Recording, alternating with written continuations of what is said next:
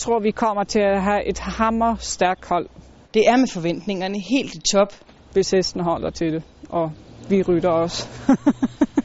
at Herning i slutningen af august slår portene op til EM i spring, dressur og paradressur. Når man kigger sådan tilbage over alle de EM'er eller store mesterskaber, der har været i hvert landet, er næsten altid kommet hjem med en medalje. Så det ligger lidt pres på os. Og faktum er, at prinsesse Nathalie Susanne Wittgenstein sammen med resten af det danske hold er på hjemmebane til hvad der bliver årets største sportsbegivenhed på dansk grund.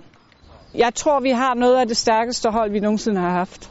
Og så er det op til, at testene forbliver raske, og vi rytter, rider ordentligt, og øh, jeg, tror, jeg tror, det bliver rigtig godt.